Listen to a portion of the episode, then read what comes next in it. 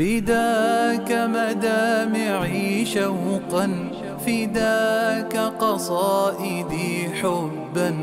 فداك تلهفي دوما لوجهك يا رسول الله أفكر منذ مبعثك فقد أحببت أمتك وقد أديت واجبك بصدق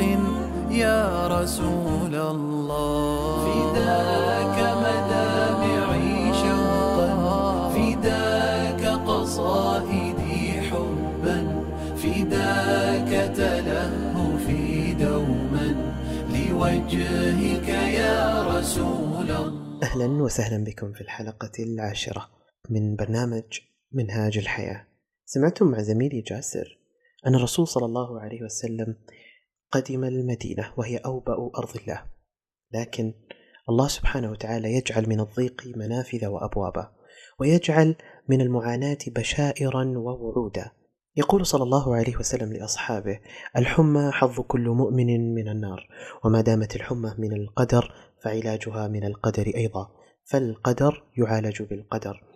أرشد صلى الله عليه وسلم أصحابه إلى الصبر وأرشدهم أيضا إلى العلاج فقال الحمى من فيح جهنم فأبردوها بالماء هذه هي حال الحمى فكيف كان حال أبي بكر وصاحبيه رضي الله عنهم لقد كانوا مزيجا من الحمى والحنين والشعر والهذيان وصلت عائشة رضي الله عنها راكضة فكان حوارها معهم حنينا وشعرا وهذيانا. عائشة رضي الله عنها تحكي ما جرى في تلك الزيارة فتقول: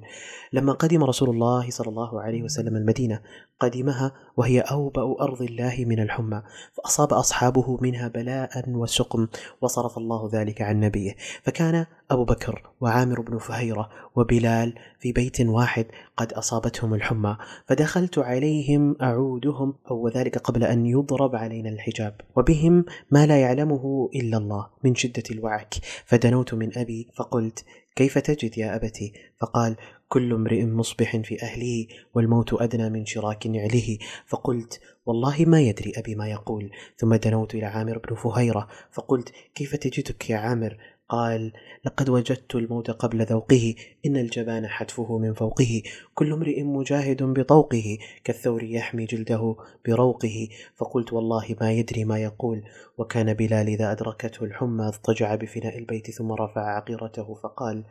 ألا ليت شعري هل أبيتن ليلة بفخ وحولي إذخر وجليل وهل أردنا يوما مياه مجنة وهل يبدون لي شامة وطفيل كان بلال يحترق من الحمى لكنه أشد احتراقا بشوقه المستعر إلى مكة إلى سوق مجنة في أسفل مكة إلى جبلي شامة وطفيل اللذين يطلان كالحب على ذلك السوق كان يحن إلى مراتع الصبا بين تلك النبتات بين الأذخر والجليل ثم يزفر بأنفاسه الملتهبة بالحمى فيقول والحسرة في صدره اللهم لعن عتبة بن ربيعة وشيبة بن ربيعة وأمية بن خلف كما أخرجنا إلى أرض الوباء تأثر النبي صلى الله عليه وسلم بهذا الشوق والحنين وأخذته الشفقة بأصحابه وبالمدينة التي تسكن قلبه عندما سمع شكوى حبيبته عائشة رضي الله عنها التي تقول لقد ذكرت ذلك لرسول الله صلى الله عليه وسلم ما سمعت منهم وقلت إنهم ليهذون وما يعقلون من شدة الحمى فقال اللهم حبب إلينا المدينة كما حببت إلينا مكة أو أشد وبارك لنا في مدها وصاعها وانقل وباءها إلى مهيعة وفي ليلة من تلك الليالي المحمومة الحارة كان صلى الله عليه وسلم في فراشه وعيناه نائمتان في تلك الليله راى شيئا مخيفا ومفرحا في منامه فبشر به اصحابه وبشر به المدينه فقال رايت امراه سوداء سائره الراس خرجت من المدينه حتى نزلت مهيعه فاولتها ان وباء المدينه نقل الى مهيعه وهي الجحفه وارتحل الوباء بعد ذلك وارتحلت الحمى عن ابي بكر وبلال وعن عامر بن فهيره ليعودوا حول رسول الله صلى الله عليه وسلم مع المهاجرين والأنصار ويكحل عينيه بهم لكن تلك المجالس الطيبة تفتقد إلى أحد عظماء الأنصار ورسولنا صلى الله عليه وسلم لا يعيش في ابراج بعيدا عن اصحابه انه منهم وبينهم يصافحهم ويبتسم في وجوههم يمشي في اسواقهم وياكل من طعامهم ويزورهم في منازلهم ويسأل عن غائبهم ويتفقد أحوالهم يقول أحد الصحابة كان نبي الله صلى الله عليه وسلم إذا جلس يجلس إليه نفر من الصحابة وفيهم رجل له ابن صغير يأتيه من خلف ظهره فيقعده بين يديه فقال له نبينا صلى الله عليه وسلم أتحبه فقال يا رسول الله أحبك الله كما أحبه فهلك فامتنع الرجل أن يحضر الحلقة لذكر ابنه فحزن عليه صلى الله عليه وسلم وفقده فقال ما لي لا أرى فلانا فقالوا يا رسول الله بنيه الذي رأيته هلك فلقيه النبي صلى الله عليه وسلم وسأله عن بنيه فأخبره بأنه هلك فعزاه عليه صلى الله عليه وسلم ثم قال يا فلان أيما كان أحب إليك أن تمتع به عمرك أو لا تأتي غدا إلى باب من أبواب الجنة إلا وجدته قد سبقك إليه يفتحه لك قال يا نبي الله بل يسبقني إلى الجنة فيفتحها لي لهو أحب إلي قال صلى الله عليه وسلم فذاك لك فقال رجل من الأنصار يا رسول الله جعلني الله فداءك أله خاصة أو لكلنا قال صلى الله عليه وسلم بل لكلكم هذه القصة الحزينة الجميلة ما أجمل الحب والبراءة والتواضع فيها ما أجمل الطفولة في مجلس النبي وما أجمل هذا النبي وهو يسأل الرجل عن حبه وما أجمله وهو يحرضه على البوع بشيء من أعماقه وهو يعزيه وهو يعده بعينين بريئتين تتلهفان له عند باب الجنة هذه البشرى من عند الله ليست للرجال وحدهم وهذه العناية منه ليست للرجال فقط يحدثنا صحابي آخر فيقول كان صلى الله عليه وسلم يتعهد الأنصار ويعودهم ويسأل عنهم فبلغه عن امرأة من الأنصار مات ابنها وليس لها غيره وأنها جزعت عليه جزعا شديدا فأتاه النبي صلى الله عليه وسلم ومعه أصحابه فلما بلغ باب المرأة قيل للمرأة إن نبي الله يريد أن يدخل يعزيها فدخل رسول الله صلى الله عليه وسلم فقال أما إنه بلغني أنك جزعت على ابنك فأمرها بتقوى الله وبالصبر فقالت يا رسول الله ما لي لا أجزع وإني امرأة رقوب لا ألد ولم يكن لي غيره فقال رسول الله صلى الله عليه وسلم الرقوب الذي يبقى ولدها ثم قال ما من امرئ أو امرأة مسلمة يموت لها ثلاثة أولاد يحتسبهم إلا أدخله الله بهم الجنة فقال عمر وهو عن يمين النبي صلى الله عليه وسلم بأبي أنت وأمي واثنين قال صلى الله عليه وسلم واثنين إذا النبي صلى الله عليه وسلم كان يتعهد الأنصار ويعودهم ويسأل عنهم كان يتفقدهم رجالا كانوا أو نساء أغنياء وفقراء كان يفرح معهم ويحزن معهم ويواسيهم في مصائبهم وأحزانهم كان صلى الله عليه وسلم يخفف عنهم بعض أعباء الحياة وهمومها ها هو الآن يتهيأ للخروج سوف يعود مريضا وهذه المرة لم يكن المريض رجلا عاديا إنه أحد أبطال الأنصار وزعمائهم لقد سمع صلى الله عليه وسلم بأن سعد بن عبادة يلازم فراشه فتحركت مشاعره نحو أخيه وحبيبه وتحركت دابته نحوه هذا الأنصاري الكريم دعونا نصطحب رسول الله صلى الله عليه وسلم ونمشي خلفه فسوف يصادف في طريقه شجرة غريبة رآها في المدينة نبتة مشوهة تظهر لأول مرة أثارها غبار دابة رسول الله صلى الله عليه وسلم المتجهة تحمل حبا نحو سعد بن عبادة أثارها ذلك الغبار فاهتزت وتطايرت أشواكها فجرحت مشاعر رسول الله صلى الله عليه وسلم ما هذه الشجرة وهل وصل صلى الله عليه وسلم إلى بيت سعد بن عبادة لا أحد يستطيع وصف ما حدث مثل الطفل أسامة بن زيد حبيب رسول الله صلى الله عليه وسلم فقد كان يركب خلف رسولنا صلى الله عليه وسلم فوق تلك الدابة ها هو أسامة يحدثنا عن ذلك فيقول إن رسول الله صلى الله عليه وسلم ركب حمارا عليه إكاف على قطيفة فدكية وأردف أسامة بن زيد وراءه يعود سعد بن عبادة في بني الحارث ابن الخزرج قبل وقعة بدر حتى مر بمجلس فيه عبد الله بن أبي بن سلول وذلك قبل أن يسلم عبد الله فإذا بالمجلس أخلاط من المسلمين والمشركين عبدة الأوثان واليهود وفي المسلمين عبد الله بن رواحة فلما غشيت المجلس حجاجة الدابة خمر ابن أبي أنفه بردائه ثم قال لا تغبروا علينا فسلم رسول الله صلى الله عليه وسلم ثم وقف فنزل فدعاهم إلى الله عز وجل وقرأ عليهم القرآن فقال عبد الله بن أبي بن سلول أيها المرء إنه لا أحسن مما تقول إن كان حقا فلا تؤذنا به في مجالسنا ارجع إلى رحلك فمن جاءك فاقصص عليه فقال عبد الله بن رواحة بلى يا رسول الله فأغشنا به في مجالسنا فإنا نحب ذلك واستب المسلمون والمشركون واليهود حتى كادوا يتثاورون فلم يزل رسول الله صلى الله عليه وسلم يخفضهم ويخفضهم حتى سكتوا ثم ركب رسول الله صلى الله عليه وسلم دابته حتى دخل على سعد بن عبادة فقال له رسول الله صلى الله عليه وسلم أيا سعد ألم تسمع ما قال أبو حباب يقصد به عبد الله بن أبي قال كذا وكذا قال سعد يا رسول الله اعف عنه واصفح هو الذي أنزل عليك الكتاب لقد جاء الله بالحق الذي أنزل عليك ولقد اصطلح أهل هذه البحيرة على أن يتوجوه فيعصبوه بالعصابة فلما رد الله بالحق الذي أعطاك شرق بذلك فذلك الذي فعل به ما رأيت فعفى عنه رسولنا صلى الله عليه وسلم وكان وأصحابه يعفون عن المشركين وأهل الكتاب كما أمره الله عز وجل ويصبرون على أذاهم قال الله تعالى ود كثير من أهل الكتاب لو يردونكم من بعد إيمانكم كفارا حسدا من عند أنفسهم من بعد ما تبين لهم الحق فاعفوا واصفحوا حتى يأتي الله بأمره إن الله على كل شيء قدير وكان رسول الله صلى الله عليه وسلم يتأول في العفو ما أمره الله عز وجل به لأنه ظل وارف للجميع حتى لهؤلاء المشركين واليهود ولولا ذلك لما تجرأ أحد منهم حتى على الهمس وفي هذا الظل المتاح للجميع تحول ابن أبي إلى كهف للأصنام والمشركين وكهف لليهود لقد تحول إلى كهف لمشروع يحاك في الظلام لتقويض هذه الدولة الجديدة عبد الله بن أبي لم يتأذى من غبار الدابة أبدا ولم يخمر أنفه من أجل سلامة رئيتيه فهو ليس غريبا على الغبار والغبار ليس بغريب عليه لكنه خمر عقله وقلبه عن الحقيقة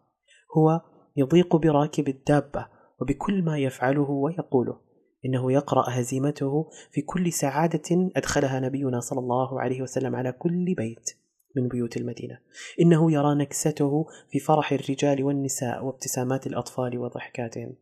وهم يلتصقون برسول الله صلى الله عليه وسلم لا أدري ما هو مصير المدينة لو توج عبد الله وإلى أي قاع سوف يرسو بها إن زعامة ابن أبي ليست في حالة نجاحها سوى تأجيل لوقت انفجار قنبلة موقوتة فالجاهلية هي الجاهلية والثأر لا يطفئه سوى الثأر ما دامت الأصنام رابضة في البيوت والأندية عبد الله بن أبي المشرك ضاق بهؤلاء الأضياف المهاجرين وطار صوابه لهذا الكرم الأنصاري لقد فقد صداقاته وزعامته فقومه يحبونهم أكثر مما يحبونه إنهم يلتقون في ذلك المسجد خمس مرات في اليوم كيف ذلك اليس من سبيل الى استعاده احد منهم او شيء منهم اليس من سبيل الى اعاده هؤلاء المهاجرين وطردهم مع نبيهم من المدينه اليس من سبيل الى تشريدهم خلف جبال المدينه المدينه تقول لا يا ابن ابي لا يا ابن ابي بن سلول ليس هناك من سبيل فلقد تغير اصحابك غيرهم نبيهم صلى الله عليه وسلم وغير نفوسهم وغير بلدتك وحتى انه غير اسمها وان لم تكن تحتمل هذا التغيير وهذا الحب الذي تكرهه فاذهب الى دار انس بن مالك لتنظر ماذا يفعل نبي الله صلى الله عليه وسلم وماذا يفعل معه المهاجرون والانصار اذهب الى دار انس فهناك امر خطير لا اظنك سوف تحتمله ماذا يحدث في دار انس نبي الله الان في دار انس والمهاجرون والانصار من حوله يتطلعون اليه ينتظرون كلماته والحماس يقفز في جوانحهم يتطلعون الى هديه للجميع ها هو انس لنساله ما الذي يحدث في داركم يا انس اخبرنا اجاب انس اجابه كالعيد فقال حالف النبي صلى الله عليه وسلم بين المهاجرين والانصار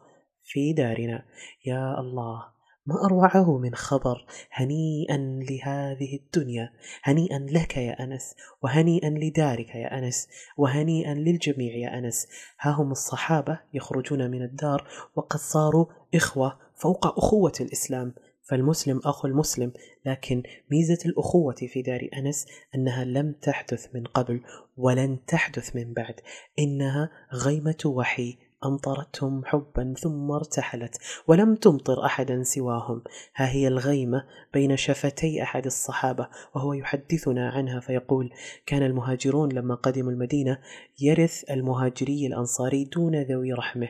للأخوة التي آخى النبي صلى الله عليه وسلم بينهم لقد آخى صلى الله عليه وسلم بين صحابته فماهت الأرواح بالأرواح ها هو أبو عبيدة يمسك بيد أخيه نسأل أنسا مرة أخرى فيجيب أن رسول الله صلى الله عليه وسلم قد آخى بين أبي عبيدة بن الجراح وبين أبي طلحة ونسأل أنس من هذا الذي يلح ويلح على عبد الرحمن بن عوف فيقول إن عبد الرحمن بن عوف قدم المدينة فآخى رسول الله صلى الله عليه وسلم بينه وبين سعد بن الربيع الأنصاري فقال له سعد أي أخي أنا أكثر أهل المدينة مالا فانظر شطر مالي فخذه وتحت امرأتان فانظر أيهما أعجب إليك حتى أطلقها فتتزوجها فقال عبد الرحمن بارك الله لك في أهلك ومالك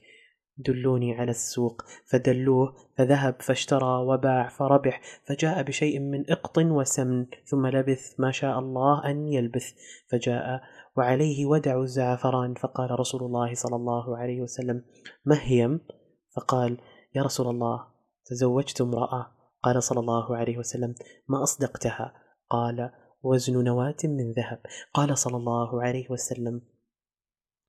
يا ابن عوف أولم ولو شاء قال عبد الرحمن فلقد رأيتني ولو رفعت حجرا لرجوت أن أصيب ذهبا وفضة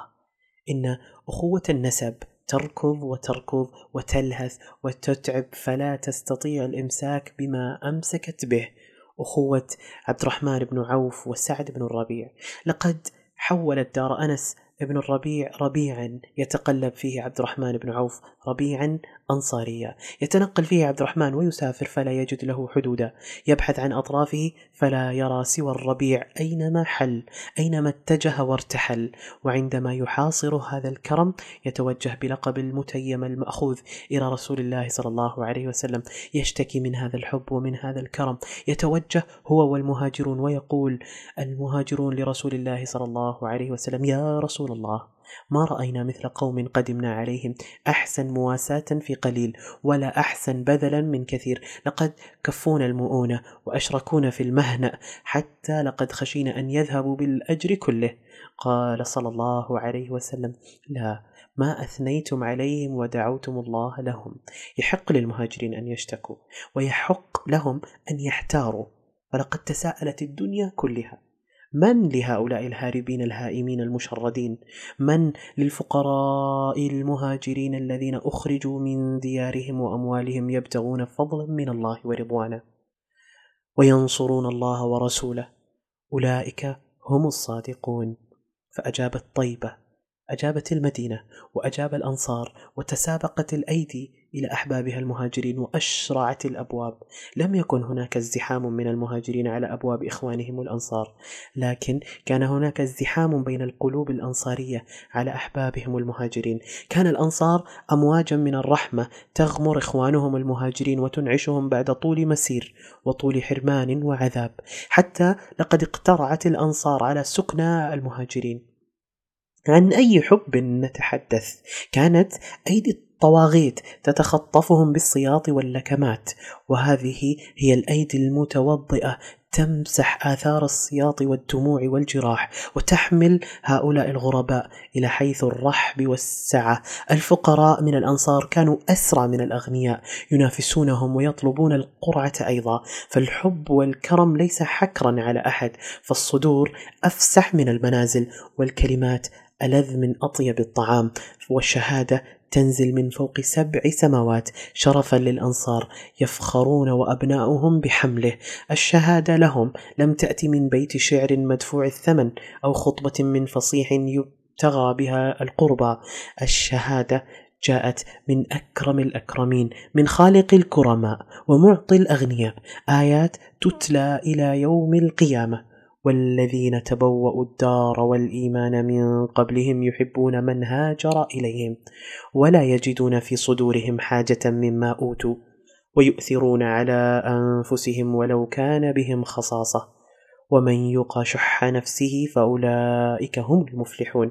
المرء يمدح إذا كان كريما ويمدح أكثر إذا كان يقدم للآخرين كل ما عنده لكن أن يكون محتاجا أشد الحاجة ويقدم للآخرين حاجته الملحة فذلك كرم انتزعه الأنصار وبدأ المهاجرون بالعمل وهوت سواعدهم كالحديد تشق الارض تحرثها وتقطف وبدا المهاجرون والانصار صفا واحدا صفا يشكل ملامح الدوله الجديده دوله تنهض نحو السماء بعد ان تشعبت جذورها في القلوب وفي المدينه الجميع يبتهجون بذلك الجميع الا قلوبا يحرقها ما يحدث حولها فهي حانقه دائما يحرقهم ما يحدث حولهم ويموتون كل يوم بغيظهم انهم يشرقون بهذا النبي وبمن معه مع انه كان يتقرب اليهم كان يحب هدايتهم فهم كغيرهم يحتاجون الى من ياخذ بايديهم الى الحق بل كان صلى الله عليه وسلم يشعرهم بانهم اقرب من غيرهم الى الاسلام ومع أن القرب لا يكفي أبدا فقد كان صلى الله عليه وسلم يشعرهم بذلك وكان النبي صلى الله عليه وسلم يحب موافقة اليهود أو أهل الكتاب فيما لم يؤمر فيه بشيء فكان أهل الكتاب يسدلون شعورهم وكان المشركون يفرقون رؤوسهم فسدل النبي صلى الله عليه وسلم ناصيته لكن اليهود لا يريدون استيعاب أي شيء من محمد صلى الله عليه وسلم إنهم يفضلون البقاء في معسكر الشيطان ولن يغادروه إلا إذا أرسل الله نبيا يهوديا يجدد أوراق هذه التوراة الممزقة وكان لليهود تعاليم سلمت من التمزيق أقرها الإسلام ولم ينكرها من هذه البقايا صيام عاشوراء وهو اليوم العاشر من شهر المحرم ما هي قصة الصيام يوم عاشوراء كان يصام في الجاهلية وأهل الجاهلية كانوا يصومون يوم عاشوراء ومنهم قريش تصوم عاشوراء في الجاهلية وكان رسول الله صلى الله عليه وسلم يصومه فلما هاجر إلى المدينة صامه وأمر بصيامها وذات يوم ذكر عند رسول الله صلى الله عليه وسلم يوم عاشوراء فقال كان يوما يصومه أهل الجاهلية فمن أحب منكم أن يصومه فليصمه ومن كره فليدع وليس أهل الجاهلية فقط هم من يحتفي بذلك اليوم إنه يوم تعظمه اليهود والنصارى وكان أهل خيبر أكثر احتفاء من غيرهم فهم يصومون يوم عاشوراء ويتخذونه عيدا ويل ويلبسون نساءهم فيه حليهم وشاراتهم لكن ما علاقة ذلك كله باليهود وهل كان رسول الله صلى الله عليه وسلم مقلدا لأهل الجاهلية وأهل الكتاب دون ما تردد الإجابة لا فمحمد صلى الله عليه وسلم جاء وحيا لا ينطق عن الهوى ولا يملك أن يشرع من عند نفسه وإذا كان سياق الحدث فيه موافقة للجاهلية واليهود فهؤلاء القوم كالغريق بين الأمواج مرة يتنفس هواء كالحياة ومرة يتنفس ماء أما الثالثة فيتنفس فيها موتا ومحمد صلى الله عليه وسلم كان يتنفس هواء نقيا ويتفوه وحيا وعطرا استغرب رسول الله صلى الله عليه وسلم صيام اليهود لذلك اليوم فكانت هذه القصة التي سجلت كم كان صلى الله عليه وسلم ودودا كم كان محبا لإخوانه الأنبياء عليهم الصلاة والسلام وكم كان محبا لنبي اليهود موسى عليه الصلاة والسلام فلقد قدم صلى الله عليه وسلم المدينة فوجد اليهود صياما يوم عاشوراء فقال لهم ما هذا اليوم الذي تصوموه فقالوا هذا يوم عظيم أنجى الله فيه موسى وقومه وغرق فرعون وقومه فصامه موسى شكرا فنحن نصومه فقال صلى الله عليه وسلم فنحن أحق وأولى بموسى منكم فصامه رسول الله صلى الله عليه وسلم وأمر بصيامه لأن الله أمر بصيامه لا لأن يهودا صاموه فالمسألة هنا مختلفة وليست كالحالة الأولى حالة فرق الشعر وتسريحه الصوم عبادة وأي عبادة كانت فهي محرمة في الإسلام إلا إذا جاء دليل من كلام الله أو كلام رسوله صلى الله عليه وسلم يأمر بها أو يحث عليها وهكذا يبقي الإسلام العبادة جديدة صافية تستقى من النبع لا من ترسبات التاريخ والأهواء والفلسفات وهذا ما أغاظ اليهود وجعلهم من ثقوب حصونهم يترقبون لقد اهتم النبي صلى الله عليه وسلم للصلاة كيف يجمع الناس لها فقيل له انصب راية عند حضور الصلاة فإذا رأوها آذن بعضهم بعضا فلم يعجبه ذلك فذكر له القنع شبور اليهود فلم يعجبه ذلك وقال هو من أمر اليهود فذكر له الناقوس فقال هو من أمر النصارى لم ينزل وحي بهذا الشأن والحيرة تملأ الجميع اجتهد الرسول صلى الله عليه وسلم اجتهاد البشر ثم أمر بالناقوس فنحت ليضرب للمسلمين في وقت الصلاة أمر صلى الله عليه وسلم بذلك وهو كاره له عرف ذلك في وجهه أحد الأنصار الذين حضروا ذلك الحوار واسمه عبد الله بن زيد بن عبد ربه فانصرف عبد الله وهو مهتم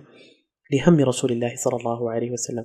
وكان بين حرات المدينة من يحمل الحل إنه عمر بن الخطاب رضي الله عنه لكنه بالتأكيد لم يكن حاضرا ذلك النقاش لذلك لم يقل ما عنده ولم يقص على أحد ما رآه في منامه انصرف الجميع وخيم الليل على المدينة وانتثرت نجومه فوق نخلها نام رسول الله ونام الجميع ونام عمر ونام عبد الله وبينما هو منسرب في أعماق النوم وجد في تلك الأعماق رجلا يطوف به يقول عبد الله لما أمر رسول الله صلى الله عليه وسلم بالناقوس يعمل ليضرب به للناس لجمع الصلاة طاف بي وأنا نائم رجل يحمل ناقوسا في يده فقلت يا عبد الله أتبيع الناقوس؟ قال وما تصنع به؟ فقلت ندعو به إلى الصلاة قال أفلا أدلك على ما هو خير من ذلك؟ فقلت له بلى قال تقول الله أكبر الله أكبر الله أكبر الله أكبر أشهد أن لا إله إلا الله أشهد أن لا إله إلا الله أشهد أن محمد رسول الله أشهد أن محمد رسول الله حي على الصلاة حي على الصلاة حي على الفلاح حي على الفلاح الله أكبر الله أكبر لا إله إلا الله ثم استأخر عني غير بعيد ثم قال وتقول إذا أقمت الصلاة الله أكبر الله أكبر أشهد أن لا إله إلا الله أشهد أن محمدا رسول الله حي على الصلاة حي على الفلاح قد قامت الصلاة قد قامت الصلاة الله اكبر الله اكبر لا اله الا الله فلما اصبحت اتيت رسول الله صلى الله عليه وسلم مهرولا مسرعا فاخبرته بما رايت فقال انها لرؤيا حق ان شاء الله فقم مع بلال فالقي عليه ما رايت فليؤذن فانه اندى صوتا من ذلك ولان عذوبه الصوت تزيد القران والاذان جاذبيه وجمالا لذلك كان صلى الله عليه وسلم يقول زينوا القرآن بأصواتكم ويقول ليس منا من لم يتغنى بالقرآن ولعذوبة صوت بلال فقد جعل الأذان من نصيبه رضي الله عنه وهو صوت بلال الذي ملأ شوارع مكة أحد أحد ها هو عذبا كأنهار الحبشة حرا كطيورها ينساب في سماء المدينة يوقظ فجرها يوقظ شمسها وينادي المهاجرين والأنصار ويسحرهم بصوته يقول فقمت مع بلال فجعلت ألقيه عليه ويؤذن به فسمع ذلك عمر بن الخطاب وهو في بيته فخرج يجر رداءه ويقول والذي بعثك بالحق يا رسول الله لقد رأيت مثل ما رأى فقال رسول الله صلى الله عليه وسلم فلله الحمد لابد أن ابن الخطاب رضي الله عنه لم يحضر تلك الآراء والاقتراحات وإلا فتكلم بما رآه فقد كان عمر بن الخطاب رضي الله عنه قد رآه قبل ذلك فكتمه عشرون يوما ثم أخبر النبي صلى الله عليه وسلم فقال له ما منعك أن تخبرني فقال سبقني عبد الله بن زيد فاستحييت إذا لا بوق ولا راية ولا ناقوس ولا أجراس كأجراس النصارى لكنه التوحيد حمله طيف جميل عليه ثوبان اخضرا فرحة جديدة للمؤمنين وتميز جديد فرحة لعبد الله بن زيد فرحة لعمر وصوت بلال يتدفق منعشا في شوارع المدينة وسمائها لم يكن هناك مئذنة للمسجد ولا منارة ولكن كانت هناك فرحة وشرف تتغنى بها النساء وتنافس به تلك الأنصارية التي بنت المنبر لرسول الله صلى الله عليه وسلم امرأة من بني النجار جعلت من بيتها نبعا للنداء الجديد جعلت من كل بيتها موضعا لقدمي بلال وصوته تقول تلك المرأة كان بيتي من أطول بيت حول المسجد فكان بلال يؤذن عليه للفجر كل غداه فيأتي بسحر فيجلس على البيت ينتظر الفجر فإذا رآه تمطى ثم قال اللهم أحمدك وأستعينك على قريش أن يقيموا دينك ثم يؤذن والله ما علمته كان تركها ليلة واحدة يعني هذه الكلمات التي ذكرتها وتصحو المدينة المدينة كلها على ذلك الصوت الندي وتنتعش وتتوضأ المدينة كلها نعم إلا بيوتا ترتج مفزوعة الجدران والقلوب شاخصة الأعين فصوت بلال رصاصة يخترق بيوت اليهود وجدران عبد الله بن أبي بن سلول وأمثاله أما قريش فقد أدركت أن اليهود وأصحابهم من المشركين قد تورموا حقدا وترقبا وقد حان تفجير ذلك الورم في وجه محمد صلى الله عليه وسلم ووجوه أصحابه لقد حان تحويل حرات المدينة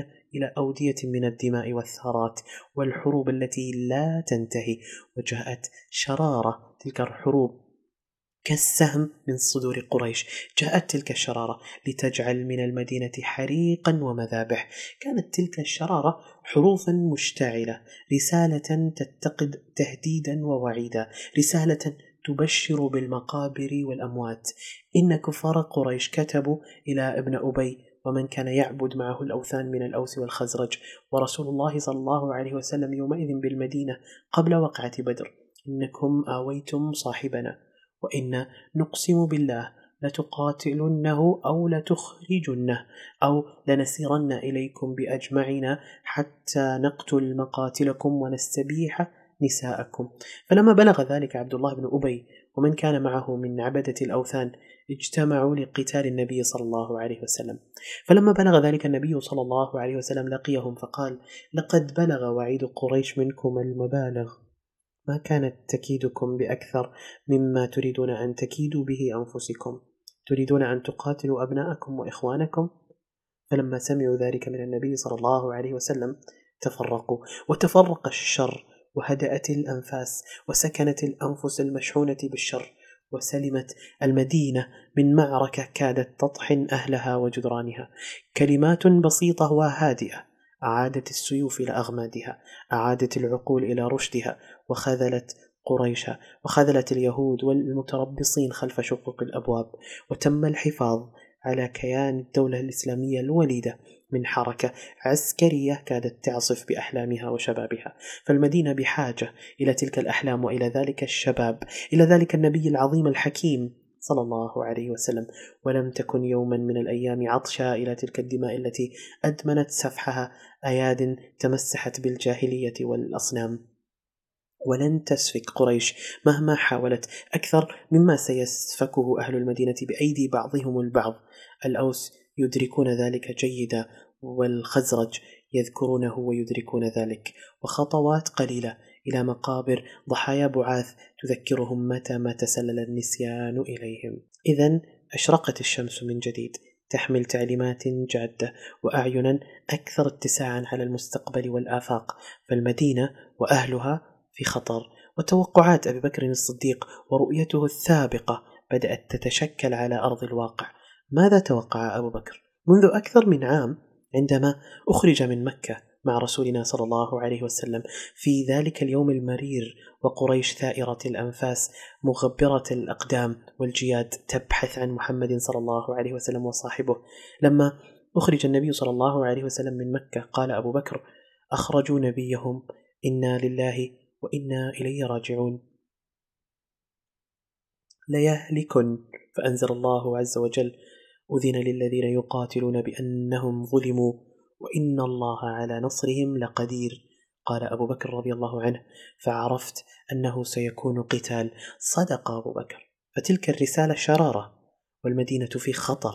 والهشيم يحيط بها من كل ناحية وفي قلوب المشركين واليهود يتكوم هشيم أخطر ولابد من الاحتراز والاحتياط لابد من السلاح في جو مكفهر بالسلاح والشرك فهب الصحابة رضوان الله عليهم لحراسة رسول الله صلى الله عليه وسلم ذات ليلة كانت عائشة إلى جانبه صلى الله عليه وسلم وكان السهر إلى جانبهما أيضا قلقت عائشة رضي الله عنها فماذا حدث تقول إن رسول الله صلى الله عليه وسلم سهر ذات ليلة وهي إلى جنبه فقلت ما شأنك يا رسول الله قال ليت رجلا صالحا من أصحابي يحرسني الليلة فبين أنا على ذلك إذ سمعت صوت السلاح فقال صلى الله عليه وسلم من هذا؟ فقال أنا سعد بن مالك فقال صلى الله عليه وسلم ما جاء بك؟ قال جئت لي أحرسك يا رسول الله جئت لأحرسك يا رسول الله قالت عائشة فسمعت غطيط رسول الله صلى الله عليه وسلم في نومه بعد أن تطوع سعد بن أبي وقاص لحراسته صلى الله عليه وسلم لم يكن الخطر سهما واحدا نحو رسول الله صلى الله عليه وسلم بل كان أسهما ورماحا منطلقة نحو كل مؤمن كل أنصاري ومهاجر ولا بد أن يكون الحذر دائما وفي رسول الله صلى الله عليه وسلم أسوة حسنة وأثناء هذا نزلت أحكام عدة منها امر الله سبحانه نبيه صلى الله عليه وسلم بصيام شهر رمضان وانزل على نبيه صلى الله عليه وسلم ايات بينات يقول فيها يا ايها الذين امنوا كتب عليكم الصيام كما كتب على الذين من قبلكم من قبلكم لعلكم تتقون أياما معدودات فمن كان منكم مريضا أو على سفر فعدة من أيام أخر وعلى الذين يطيقونه فدية طعام مسكين فمن تطوع خيرا فهو خير له وأن تصوموا خير لكم إن كنتم تعلمون إذا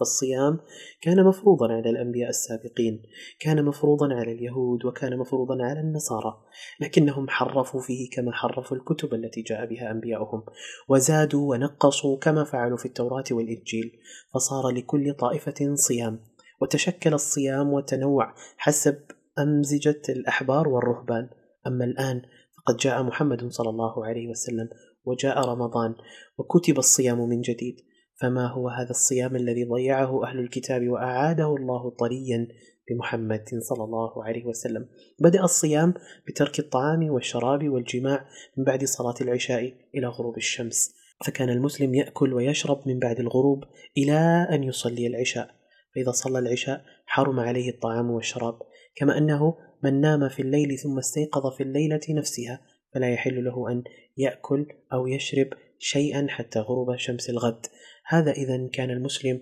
سليم الجسم لا يشكو من أي مرض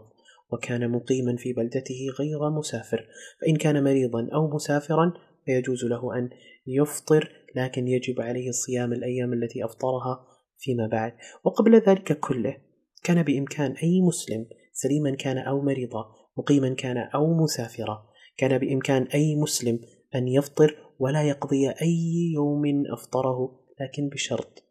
هو أن يقوم المفطر بتقديم وجبة تشبع مسكينا واحدا عن كل يوم أفطره لكن هذه الأحكام لم تدم لقد تغيرت ونسخت وجاءت بعدها أحكام جديدة وأن كان لهذه الأحكام أسباب وقصص بعضها طريف وبعضها يتلوى من الجوع لكن الصيام لم يتغير ما زال هو ترك الطعام والشراب وممارسة الزوجية فما هي هذه القصص سنذكر بعضها البراء بن عازب رضي الله عنه يقص علينا إحداها ويحدثنا عن أهل بيت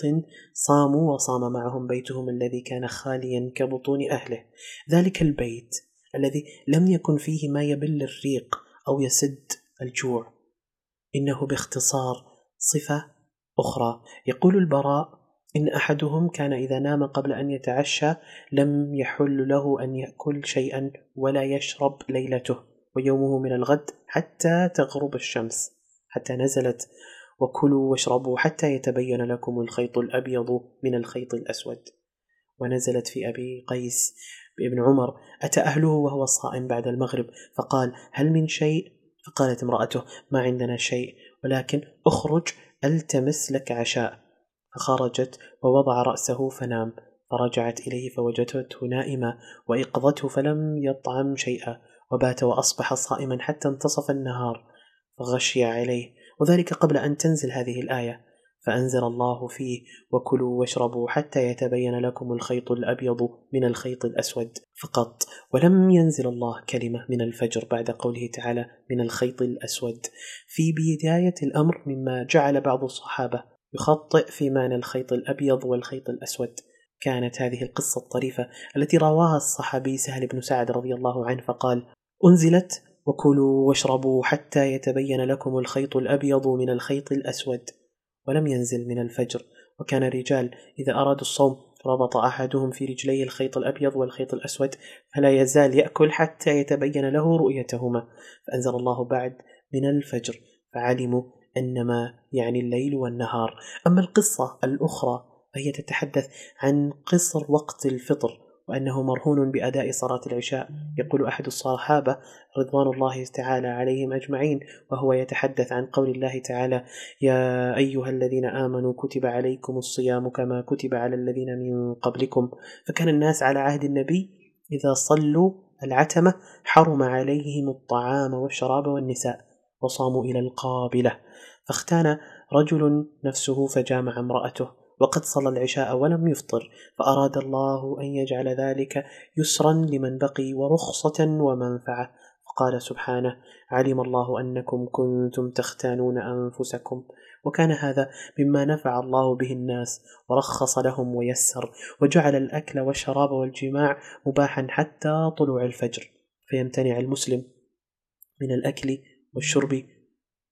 حتى يغيب قرص الشمس حيث قال صلى الله عليه وسلم لأصحابه إذا أقبل الليل منها هنا وأدبر النهار منها هنا وغربت الشمس فقد أفطر الصائم أما عن الصوم الاختياري في أول الأمر فقد تغير وألغي كما قال سلمة ابن الأكوع رضي الله عنه لما نزلت هذه الآية وعلى الذين يطيقونه فدية طعام مسكين كان من أراد منا أن يفطر ويفتدي فعل حتى نزلت هذه الآية التي بعدها نسخ هذا الحكم فما هي الآية التي بعدها والتي نسختها وغيرت كل الأحكام السابقة التي مر معنا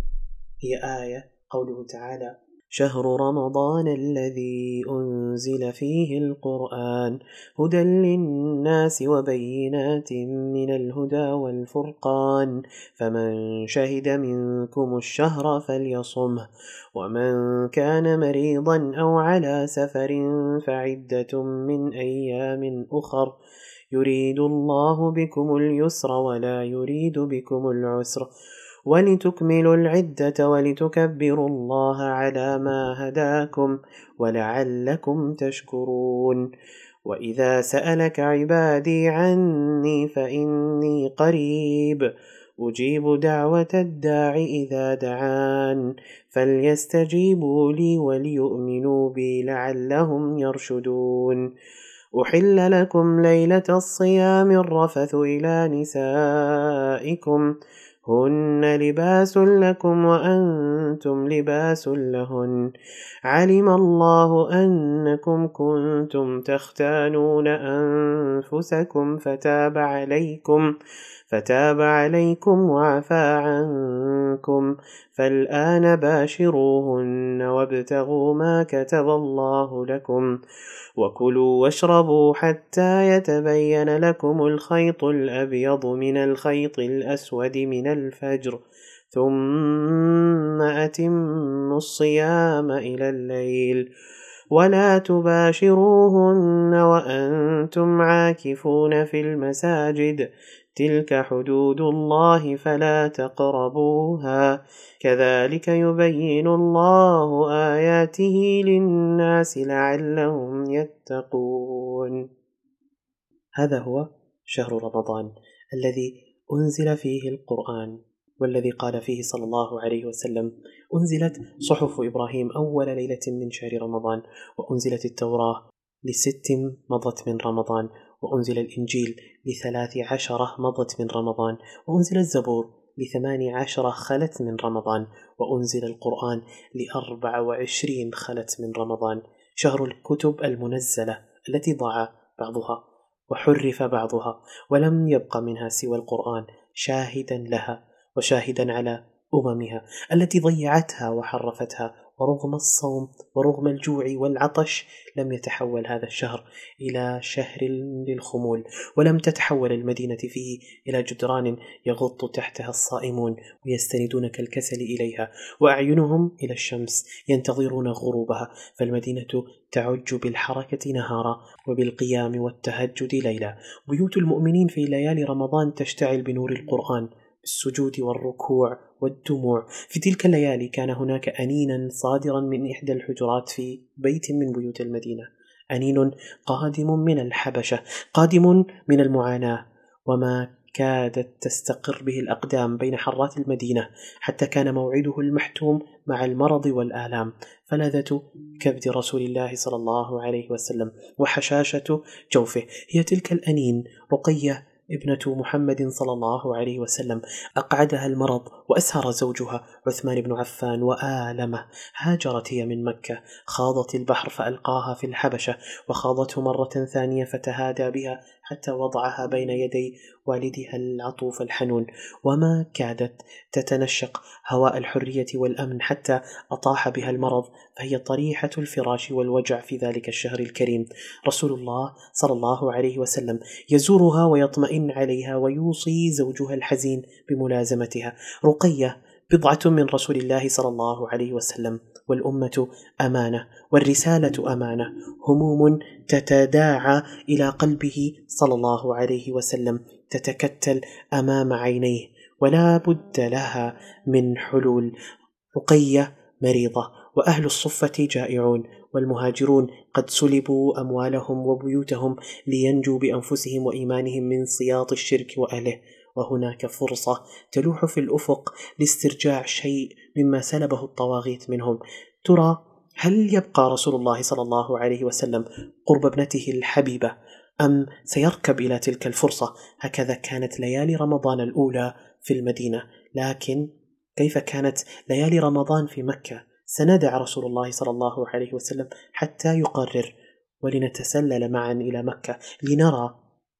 كيف كانت ليالي رمضان إذا كانت أنسام الليالي تحمل أنين رقيها ودموعها فإن أنسام مكة تحترق بزفرات نساء ورجال مستضعفين يمنعهم الضعف من البوح بتوحيدهم ودينهم وحبهم لنبيهم صلى الله عليه وسلم اسرارهم كالجمر في صدورهم يرعبهم ليل مكه ويؤرقهم العيش بين الاصنام والشرك والمشركين الذي كان ليلهم خليطا من الغمر والغطيط انسام مكه تحترق بزفرات اخت رقيه المريضه اختها الكبرى زينب التي تتحرق شوقا الى ابيها والى اخواتها الحبيبات فاطمة ورقية وأم كلثوم إنها لا تعلم شيئا عنهم لا تدري هل ستلتقي بهم يوما من الأيام أم لا ونبي الله صلى الله عليه وسلم يشتاق إليها ويحبها ويثني عليها ويتمنى قربها وقدومها إنها أكبر بناته وقد عانت وعانت الكثير في سبيل الله إنها ابنة نبي لكنها زوجة رجل لا يزال على شركه رجل صادق ووفي اسمه أبو العاص بن الربيع وهو وهو شغوف بها ويحبها لكن شركه يخنق ليلها وانفاسها فتاه مستضعفه مبتلاه وهموم تزدحم في صدر والدها عليها وعلى اختها وعلى كل مستضعف ومستضعفه هذا هو ليل زينب الحزينه وهذا هو ليل مكه المخيف الذي كان يحمل الفزع الى احدى البيوت الى احدى النساء التي كانت غارقه في نومها حتى انتشى لها الفزع وانتشى لها فارس الاحلام فارس الاحلام اتاها لا ليحملها بين ذراعيه بل ليدك بيوت قومها فارس الاحلام هذا مخيف ومرعب يقفز في الهواء وفوق الكعبه والجبال يحرك الصخور يصيح باهلها صوته مخيف جدا يتوعد بالموت والشظايا تلك المراه المفزوعه لم تكن بعيدة من زينب ابنة نبي الله صلى الله عليه وسلم إنها من أقرب الناس إليها وتعيش بالقرب منها امرأة من صلب قريش إنها ابنة عبد المطلب وعمة رسول الله صلى الله عليه وسلم واسمها عاتكة بنت عبد المطلب فهل يا ترى ستكون رؤياها كرؤيا والدها الذي غاص في الأعماق وحفر زمزم أم أن فارس القمم الذي رأته في منامها سيدمدم ما تبقى لقريش من آبار تنضح بالشرك تلك الرؤية حولت مكة إلى غبار وضجيج ونزاع وتشاتم يا معشر قريش اللطيمة اللطيمة أموالكم مع أبي سفيان وتجارتكم قد عرض لها محمد وأصحابه فالغوث الغوث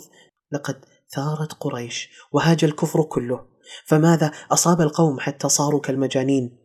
لقد تحققت رؤيا عاتكة وصدقت وكذب أبو جهل وطار عقله وطار عقل أمية وصوابه فما الذي حدث وماذا فعل رسول الله صلى الله عليه وسلم بأبي سفيان وقافلته هذه لقد كنا في المدينة عند رقية حيث كان بيتها ساكنا إلا من أنينها حيث كانت المدينة ساكنة بالإيمان والإسلام فماذا الذي كان يخطط له رسول الله صلى الله عليه وسلم والناس نائمون سنعود إلى المدينة لنرجع حيث ترقد رقية ها هي طريحة الفراش والألم وهذا هو عثمان بقربها ينظر إلى حبيبته وردة تذبل يوما بعد يوم تذبل ألما بعد ألم لقد عادها أبوها صلى الله عليه وسلم قبل أيام ورأى ما بها وأوصى عثمان الحزين بالمكوث عندها ثم ودعها بعد أن ألقى عليها نظرة الوالد المحب الحاني وودعته بعينين حزينتين كأني بعينيها تغرقان بالدم الدموع تتعلقان بهذا الوالد الذي لا يستطيع البقاء عندها ولا يملك لها سوى الدعاء استودعها الله وتركها ومراره الوداع في حلقها وقلبها ومراره الوداع في كلماتها لعثمان عثمان صابر محتسب يفوته الخروج مع حبيبه فيصبر وقد تفوته رقيه وترتحل عنه فيصبر أي ليل سيخيم على عثمان ليصبر رسول الله صلى الله عليه وسلم أكثر صبرا واحتسابا ابنة في مكة لا يستطيع رؤيتها حبيسة الشرك وابنة حبيسة الفراش والمرض وأصحاب معدمون يتزاحمون في صفة مليئة بالجوع وقريش تسرح وتمرح وتتاجر بأموال أصحابه وأمة تحتاج إلى قائد يحملها إلى المستقبل المستقبل والى تلك الفرصه. يقول انس بن مالك رضي الله عنه ان رسول الله صلى الله عليه وسلم شاور حين بلغه اقبال ابي سفيان فتكلم ابو بكر فاعرض عنه، ثم تكلم عمر فاعرض عنه، قال سعد بن عباده: ايانا يريد رسول الله صلى الله عليه وسلم والذي نفسي بيده لو امرتنا ان نخيضها البحار لاخضناها ولو امرتنا ان نضرب اكبادها الى برك الغماد لفعلنا فندب رسول الله صلى الله عليه وسلم الناس فانطلقوا ولئن كانت المشورة قبل الانطلاق فقد كانت هناك سرية في الانطلاق تقول عائشة رضي الله عنها إن رسول الله صلى الله عليه وسلم أمر بالأجراس أن تقطع من أعناق الإبل يوم بدر دون ضوضاء دون أجراس وضجيج انطلق صلى الله عليه وسلم وصحابته وسمح صلى الله عليه وسلم بالانطلاق معه لمن ليس معه راحلة وأمر صلى الله عليه وسلم بالاشتراك والتناوب بين الاثنين والثلاثة على الراحلة الواحدة فامتثل الجميع وتحركوا نحو تلك القافلة مسرعين يطوون الأرض طيا وفي طريقهم يرون راكبا يسابق الريح إليهم فيلحق بهم ماذا حدث؟ هل هو عثمان جاء ليخبر رسول الله أن ابنته زينب اشتد بها المرض؟ أم هو رجل لم يعلم إلا متأخرا فلحق بهم بعد أن علم بالأمر؟ ليس هذا ولا ذاك إنه رجل مشرك لكن فيه من الشهامة والرجولة الشيء الكثير إنه يمتطي راحلته وشهامته ويتجه بهما نحو رسول الله صلى الله عليه وسلم يكلمه ثم يرد عليه ويسير صلى الله عليه وسلم ثم يكلمه مرة أخرى فيرد عليه ثم يسير ويتركه فمن هذا الرجل ولماذا تركه في مكان يقال له حرة الوابرة تقول عائشة رضي الله عنها خرج رسول الله صلى الله عليه وسلم قبل بدر فلما كان بحرة الوابرة أدركه رجل يذكر منه جرأة ونجدة ففرح أصحاب رسول الله صلى الله عليه وسلم حين رأوه فلما أدركه قال رسول الله صلى الله عليه وسلم جئت لأتبعك وأصيب معك قال له رسول الله صلى الله عليه وسلم تؤمن بالله ورسوله قال لا قال صلى الله عليه وسلم فارجع فلن استعين بمشرك ثم مضى حتى إذا كنا بالشجرة أدركه الرجل فقال له كما قال أول مرة فقال له النبي صلى الله عليه وسلم كما قال له أول مرة قال فارجع فلن أستعين بمشرك ثم رجع فأدركه بالبيداء فقال له كما قال أول مرة تؤمن بالله ورسوله قال نعم فقال له رسول الله صلى الله عليه وسلم فانطلق فانطلق الرجل مع النبي صلى الله عليه وسلم وأصحابه مسلما بعد أن دفن الشرك وأهله بالبيداء ورفرف مع شجاعته ونجدته في أجواء التوحيد الطاهرة الفسيحة وواصل المسلمون سيرهم نحو القافلة لكن مشكلة وقعت وأمرا خطيرا لم يحسب له المسلمون حسابا لقد علمت قريش بخروج رسول الله صلى الله عليه وسلم ولكن كيف كيف حصل ذلك؟ كيف علمت قريش بخروج رسول الله صلى الله عليه وسلم؟ يقول أحد الصحابة رضوان الله عليهم أجمعين لما سمع رسول الله صلى الله عليه وسلم بأبي سفيان مقبلا من الشام ندب المسلمون وقال: هذه عير قريش فيها أموالهم فأخرجوا إليها لعل الله أن ينفلكموها فانتدب الناس فخف بعضهم وثقل بعضهم وذلك أنهم لم يظنوا أن رسول الله صلى الله عليه وسلم يلقى حربا وكان أبو سفيان حين دنا من الحجاز يتحسس بالأخبار ويسأل من لقي من الركبان تخوفا على أموال الناس حتى أصاب خبرا من بعض الركبان أن محمدا قد استنفر أصحابه لك ولعيرك فاحذر عن ذلك فاستأجر ضمضم ابن عمرو الغفاري فبعثه إلى مكة وأمره أن يأتي قريشا يستنفرهم إلى أموالهم ويخبرهم أن محمدا قد عرض لها في أصحابه فخرج ضمضم بن عمرو سريعا إلى مكة ووصل إلى مكة وسمعت قريش صوت ضمضم بن عمرو الغفاري وهو يصرخ ببطن الوادي واقفا على بعيره قد جدع بعيره وحول رحله وشق قميصه وهو يقول يا معشر قريش اللطيمة اللطيمة أموالكم مع أبي سفيان قد عرض لها محمد في أصحابه لا أرى أن تدركوها الغوث الغوث وتجمعت قريش حول هذا المشهد المفجع وصرخت بوجه ضمضم بن عمرو تسأله عن تفاصيل أكثر وثارت مكة وارتجت وتعالى الضجيج وسلت السيوف واحتقن الطواغيت طواغيت قريش كلهم كلهم إلا واحدا أذهله الخبر فأصيب بالهلع إنه لا يدري ما يفعل وكيف يتصرف يرتجف ويرتجف يهرول المسرعا إلى منزله وعندما يصل لا يبحث عن سلاح ولا يفتش عن درع ورمح إنه خائف جدا ويكاد يموت من الخوف لم يكن ذلك الخوف بسبب تجارة له مع أبي سفيان يخشى أن يفقدها الأمر أشد وأخطر إنه يحس بدنو أجله إنه يرى في كل شبر خارج مكة قبرا مشرعا ينتظره إنه أمية بن خلف وهو لا يستطيع التفريق بين من يقول الغوث الغوث ومن يقول الموت الموت كأني به وهو يستمع إلى صراخ ضمضم قد تذكر صراخ سعد بن معاذ في ذلك اليوم المشؤوم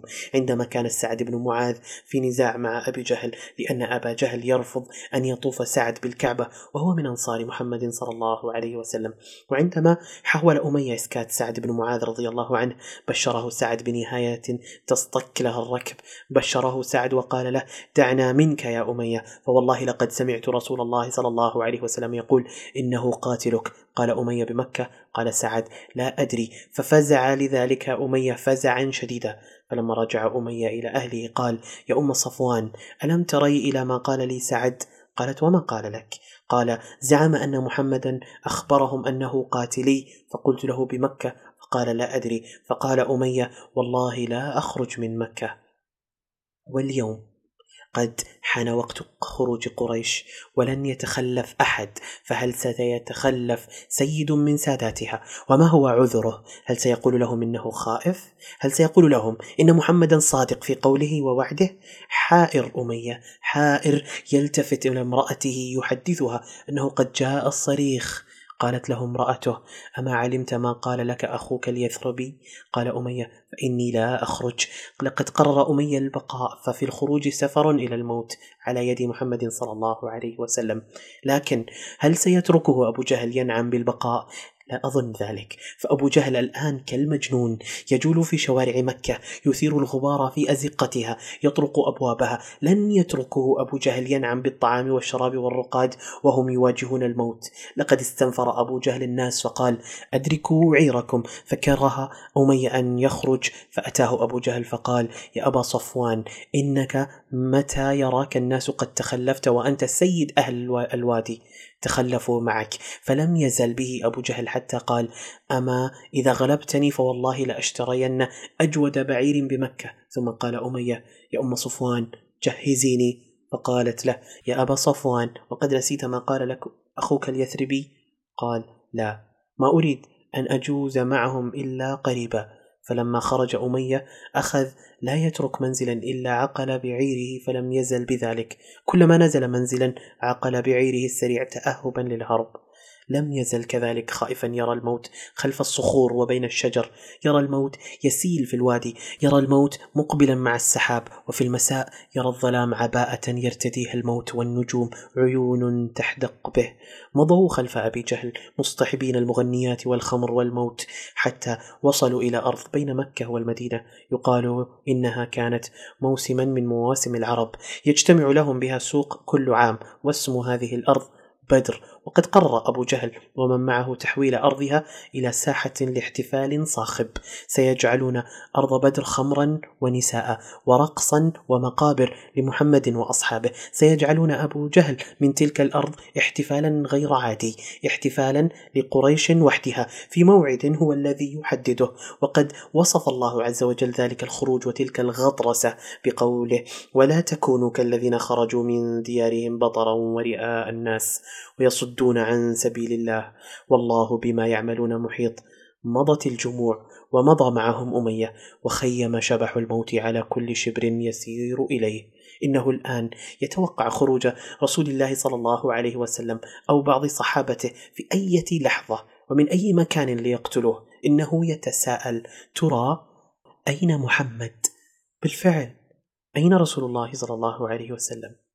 لقد خرج رسولنا صلى الله عليه وسلم في أصحابه حتى بلغ واديا يقال له ذفران فخرج منه حتى إذا كان ببعضه نزل وأتاه الخبر عن قريش بمسيرهم ليمنعوا عيرهم فاستشار النبي صلى الله عليه وسلم الناس وأخبرهم عن قريش لكن كيف علم صلى الله عليه وسلم بخروج قريش كيف عرف عددهم ولماذا يستشير أصحابه مرة أخرى وهم قد وافقوا على الخروج معه عندما كانوا في المدينة لنبدأ بالأمر الأول كيف عالم؟ يقول أحد الصحابة المشاركين بتلك الأحداث هو أنس بن مالك إن رسول الله صلى الله عليه وسلم ندب أصحابه فانطلقوا إلى بزر فإذا هم بروايا قريش فيها عبد أسود لبني الحجاج فأخذه أصحاب رسول الله صلى الله عليه وسلم فجعله يسألونه أين أبو سفيان فيقول والله ما لي بشيء من أمره علم ولكن هذه قريش قد جاءت فيهم أبو جهل وعتبة بن شيبة بن ربيعة وأمية بن خلف فإذا قال لهم ذلك ضربوه فيقول دعوني دعوني أخبركم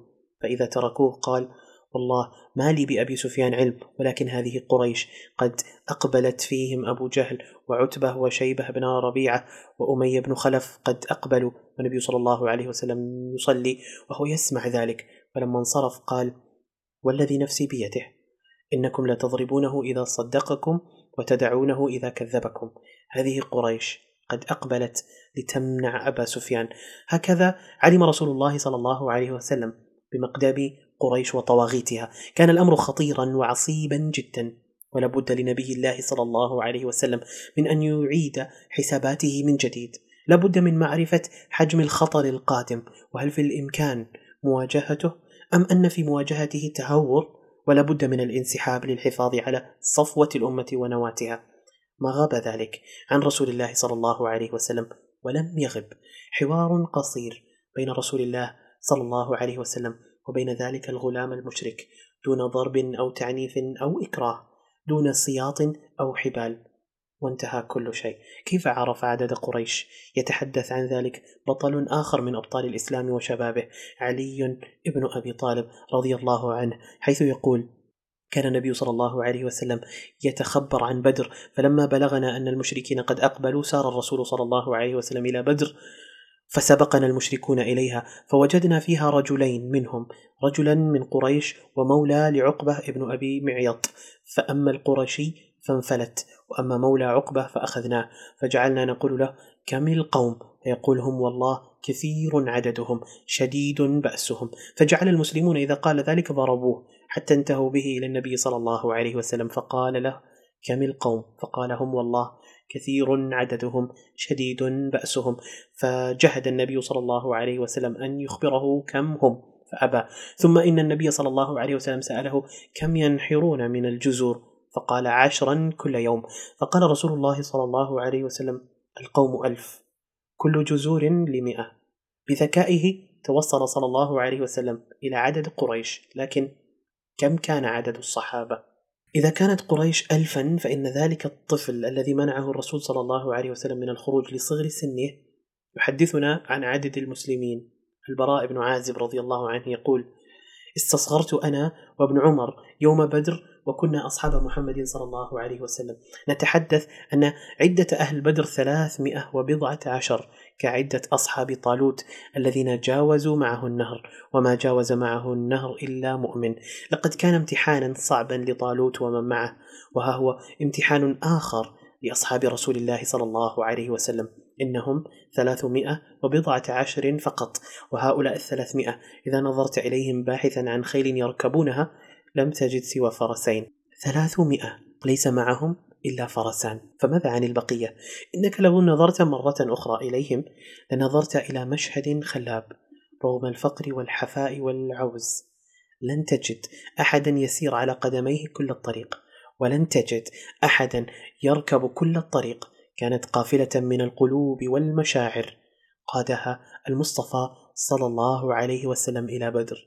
عبد الله بن مسعود أحد تلك القلوب التي تخفق بالإيمان والإيثار والنظام يقول رضي الله عنه وعنهم كنا يوم بدر كل ثلاثة على بعير كان أبو لبابة وعلي زميلي رسول الله صلى الله عليه وسلم فكانت إذا حانت عقبة رسول الله صلى الله عليه وسلم يقولان له نحن نمشي عنك فقال ما أنتما بأقوى مني ولا أنا بأغنى عن الأجر منكما رسول الله صلى الله عليه وسلم يقطع المسافات مشيا رغم وجود من يبذل روحه فداء لتلك الخطوات الشريفة لكن رسول الله صلى الله عليه وسلم يعلم أصحابه ويطمع مثلهم بالأجر من عند الله سبحانه وتعالى يشفق على أصحابه ويرأف بهم ويحنو عليهم لقد رق لمنظرهم وهم يتعاقبون ورق لحالهم وهم يتساقطون من التعب والجوع وطول السفر فاتجه إلى أرحم الراحمين يستمطره رحمة لهؤلاء المساكين ابتهل لهج بقلبه ولسانه وقال اللهم انهم عراه فاكسهم اللهم انهم جياع فاشبعهم دعاء يقطر رحمه وشفقه وحاله اصحاب يرثى لها وظرف صعب يفاجئ القافله المؤمنه وعدو كشر عن انيابه وسيوفه وحقده ومع ذلك كله لم تخف القله المؤمنه ولم ترتجف لكن هناك من كره لقاء قريش بهذا الاستعداد الضعيف فما للقتال خرجوا وما لهذه الجموع احتسبوا لقد خرجوا يريدون مالا لهم في قافلة فصاروا أمام جيش متأهب لأخذهم لقد كرهوا ذلك خوفا على دولتهم الفتية على رسولهم أن تناله أيدي المشركين ورماحهم لقد وصف الله سبحانه تلك المشاعر فقال كما أخرجك ربك من بيتك بالحق وإن فريقا من المؤمنين لكارهون يجادلونك في الحق بعدما تبين كأنما يساقون إلى الموت وهم ينظرون يقول كعب بن مالك تخلفت عن غزوة بدر ولم يعاتب الله أحدا تخلف عنها إنما خرج رسول الله صلى الله عليه وسلم يريد عير قريش حتى جمع الله بينهم وبين عدوهم على غير ميعاد لقد راى صلى الله عليه وسلم في وجوه الصحابه العزم والشجاعه وراى في وجوه البعض الشجاعه والكراهيه معا وذلك لعدم الاستعداد وقله العدد والعده راى خوفهم عليه وعلى دينهم ودولتهم فتوقف صلى الله عليه وسلم للمشوره الثانية وجاءت البشرى من الله وأنزل الله كلامه وعدا صادقا لا يتأخر وأمنا يملأ الأجواء والصدور فأزال بقايا الخوف وطهر به القلوب المؤمنة نزل جبريل بقول الله تعالى وإذ يعدكم الله إحدى الطائفتين أنها لكم وتودون أن غير ذات الشوكة تكون لكم والشوكة هي جيش قريش وغير ذات الشوكة هي القافلة أخذ صلى الله عليه وسلم تلك الآيات ونادى رفقة الدرب والإيمان وقال لهم سيروا على بركة الله وأبشروا فإن الله قد وعدني إحدى الطائفتين والله لكأني أنظر الآن إلى مصارع القوم غدا قال أحد الأنصار وهو أبو أيوب فلما وعدنا إحدى الطائفتين إما القوم وإما العير طابت انفسنا وطاب المسير الى بدر فانطلق رسول الله صلى الله عليه وسلم واصحابه حتى سبقوا المشركين الى بدر ونزل المسلمون بالعدوه الدنيا اي بحافه الوادي من جهه المدينه وجاء المشركون فقال رسول الله صلى الله عليه وسلم لا يتقدمن احد منكم الى شيء حتى اكون انا دونه واقبل المشركون من هناك من الجهه الاخرى المسماه بالعدوه القصوى أي حافة الوادي البعيدة البعيدة عن المدينة جهة مكة وكان ذلك في السادس عشر من شهر رمضان من السنة الثانية للهجرة في السادس عشر من شهر رمضان بنى الصحابة لرسول الله صلى الله عليه وسلم قبة هي أشبه بغرفة العمليات اليوم كان صلى الله عليه وسلم يصلي فيها ويدعو ويوجه ويبشر وكان أبو بكر معه فيها يقول ابن عباس إن النبي صلى الله عليه وسلم قال وهو في قبة له يوم بدر اللهم إني أنشدك عهدك ووعدك اللهم إن شئت لم تعبد بعد اليوم أبدا فأخذ أبو بكر بيده فقال حسبك حسبك يا رسول الله فقد ألححت على ربك وهو في الدرع فخرج وهو يقول سيهزم الجمع ويولون الدبر بل الساعة موعدهم والساعة أدهى وأمر خرج صلى الله عليه وسلم من القبة وخرج وراءه أبو بكر وخرجت معهما البشرى العظيمة سيهزم الجمع ويولون الدبر وصار صلى الله عليه وسلم يتماشى ويشير ثم يمشي ويشير وإذا أشار إلى موضع من الأرض تكلم ولهج بالبشرى للجميع لقد كان يشير بيده ويتحدث إلى من معه وحيا يحيى فإلى أي شيء كان يشير وعن أي شيء كان يتحدث كان يقول عمر بن الخطاب رضي الله عنه إن رسول الله صلى الله عليه وسلم ليخبرنا عن مصارع القوم بالأمس هذا مصرع فلان إن شاء الله غدا هذا مصرع فلان إن شاء الله غدا يتحدث أنس بن مالك عن تلك المواقع فيقول قال رسول الله صلى الله عليه وسلم هذا مصرع فلان غدا ووضع يده على الأرض وهذا مصرع فلان ووضع يده على الأرض وهذا مصرع فلان ووضع يده على الأرض لقد ملأت هذه البشرى المؤمنين حماسا ونشاطا وأيقنوا بنصر يشرق عليهم مع صباح الغد إن شاء الله فقضوا يومهم ذلك همة وحركة يستعدون وينفذون أوامر قائدهم صلى الله عليه وسلم ويدعون ربهم نصرا طال انتظاره ويرجونه الظفر في هذه الحرب التي قبعت في طريقهم دون موعد حتى تنكسر شوكة الباطل وترتفع راية التوحيد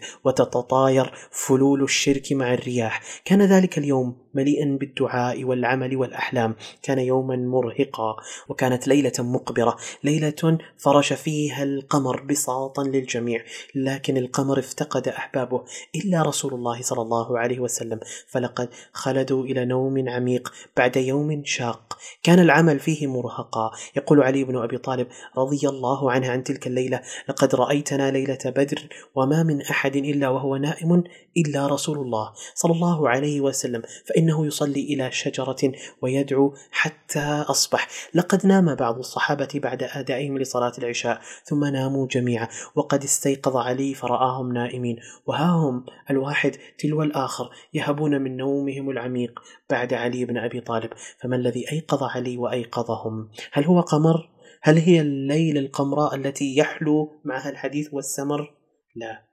فالقمر قد اختفى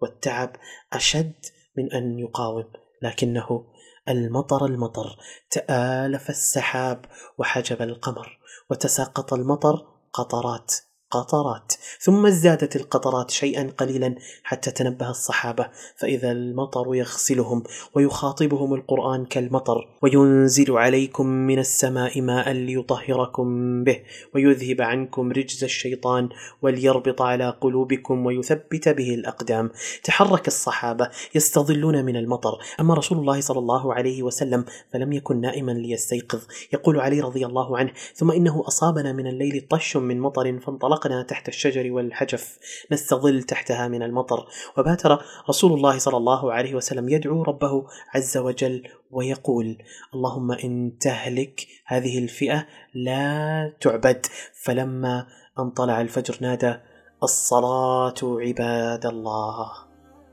نادى لأي صلاة هل لصلاة الفجر أم لصلاة أخرى سنعرف عن ذلك في الحلقة القادمة مع زميلي جاسر إلى حينها أستأذنكم وألقاكم على خير